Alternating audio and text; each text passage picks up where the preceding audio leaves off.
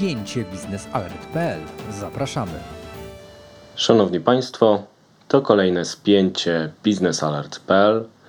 Witam, nazywam się Wojciech Jakubik i zapraszam do dzisiejszego odcinka, w którym przyjrzymy się potencjałowi polskiego atomu, projektu, o którym rozmawiamy już od dekady, ale nadal nie udało nam się go zrealizować. Czy uda się z pomocą Amerykanów? Zobaczymy. Zapraszam. Szanowni Państwo, w e, wspaniałych okolicznościach przyrody podlaskiej e, nagrywam dla Państwa ten odcinek, w którym chciałem właśnie pochylić się nad tematem polskiej elektrowni jądrowej i tematem zaangażowania w te elektrownie na przykład Amerykanów. Bo tak się składa, że lato się kończy, zaczyna się gorący okres polityczny przygotowań do wyborów w Polsce i właśnie teraz, już 1 września, na 80. rocznicę e, wybuchu II wojny światowej, obchodzoną tym razem we Warszawie, e, zjawi się w Polsce prezydent Donald Trump. Jest to oczywiście prezydent amerykański i będzie rozmawiał z Polakami także o współpracy energetycznej. Czy porozmawia o atomie, który chcą zbudować Polacy do 2033 roku, kiedy planujemy mieć pierwszy reaktor? Zobaczymy. Na razie y, nie zapowiadają się żadne konkretne komunikaty y, ze strony polskiej i amerykańskiej. Został o to zapytany pełnomocnik rządu do spraw strategicznej infrastruktury energetycznej, pan Piotr Naimski. No i uznał, że tym razem y, właśnie z Warszawy 1 września raczej nie popłynie żaden nowy komunikat na temat współpracy energetycznej.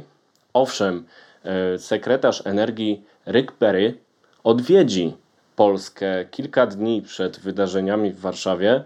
W ostatnich dniach sierpnia w Warszawie będzie e, widoczny właśnie pan sekretarz Perry. Zdradził też minister Naimski. E, wizyta odbędzie się w ramach serii rozmów dialogu energetycznego USA-Polska, bo przecież nasze kraje podpisały umowę o współpracy w energetyce, ale nie wiadomo czemu konkretnie będą poświęcone te rozmowy można podejrzewać, że jednym z tematów będzie właśnie zaangażowanie Amerykanów w atom. Ale minister Naimski zastrzega, że mimo to prawdopodobnie podczas wizyty Trumpa nie będzie wypowiedzi na ten temat, ani żaden energetyczny temat e, właśnie 1 września.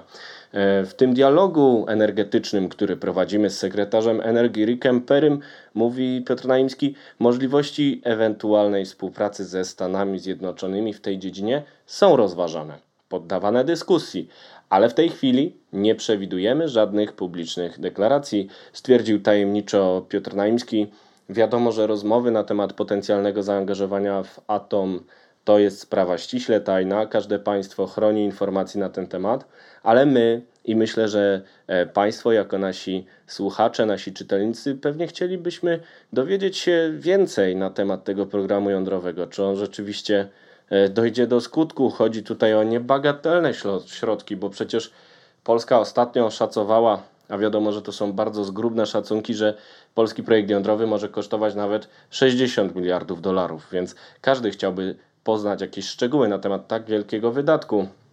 Warto przypomnieć, że właśnie e, z tej kwoty 60 miliardów dolarów Polacy chcieliby pozyskać z zagranicy nawet 30 miliardów dolarów do 2040 roku od inwestorów zagranicznych.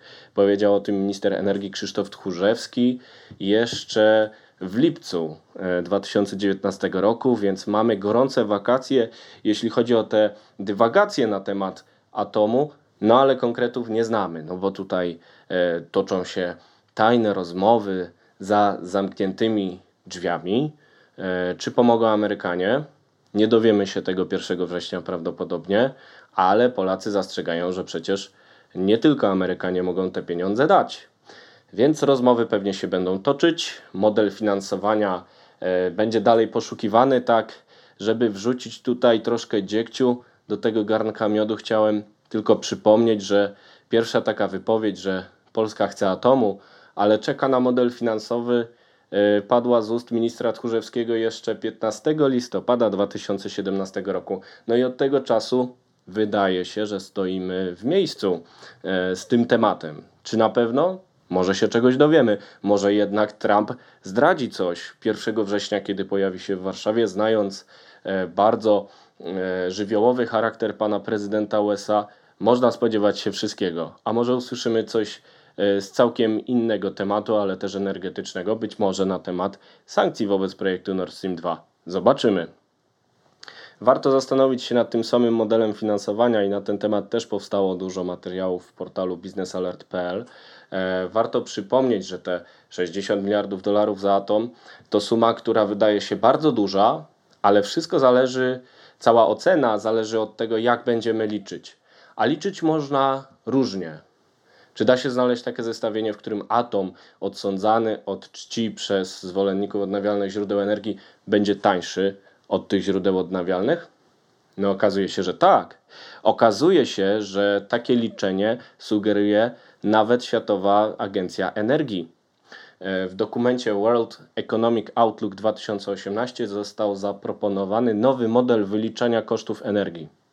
Mamy klasyczny model LCOE, który e, w skrócie e, oznacza Levelized Cost of Energy, czyli koszt energii wyliczany w sposób tradycyjny, no i z tego wyliczenia zwycięsko w porównaniu z atomem zwykle wychodzi energetyka odnawialna, która ma niższe koszty. A zatem gdybyśmy patrzyli tylko na koszt energii, no to OZE zwyciężałyby z tym atomem bezdyskusyjnie. Ale właśnie w dokumencie World Energy Outlook 2018 można znaleźć ciekawą alternatywę, czyli VALCOE, czyli Value Adjusted Cost of Energy taki sposób wyliczania, ten alternatywny model proponuje, że koszty energii będziemy liczyć bardziej obiektywnie, to znaczy szerzej. Na przykład dodamy wszystkie koszty towarzyszące energetyce odnawialnej, no i w takim porównaniu atom staje się konkurencyjny wobec odnawialnych źródeł energii przez to, że przecież stabilizowanie OZE wymaga inwestycji w magazynowanie energii a okazuje się, że ta technologia jest obecnie bardzo droga. Jeżeli megawattogodzina z farmy wiatrowej na morzu kosztuje na przykład 55 euro, to razem z kosztami magazynowania energii szacowanymi na 200 euro mamy już 250 euro i tutaj się okazuje, że ten atom może być nawet tańszy od OZE. A zatem e, nieważne e, kto głosuje, ale kto liczy głosy, nieważne kto wybiera miks energetyczny, ale jak liczymy poszczególne źródła e, energii w tym miksie, zobaczymy, jaki tutaj sposób liczenia przyjmie polski rząd. Zobaczymy, czy usłyszymy po tych już kilku dobrych latach od pierwszej rozmowy o modelu finansowania atomu, czy usłyszymy tutaj jakąś nową wiadomość. Pewnie nie 1 września, pewnie ta dyskusja się szybko nie zakończy, no ale wypadałoby, żeby się zakończyła, bo przecież już e, bez mała 4 lata w Business Alert piszemy o tym, że strategia energetyczna Polski czeka na przyjęcie.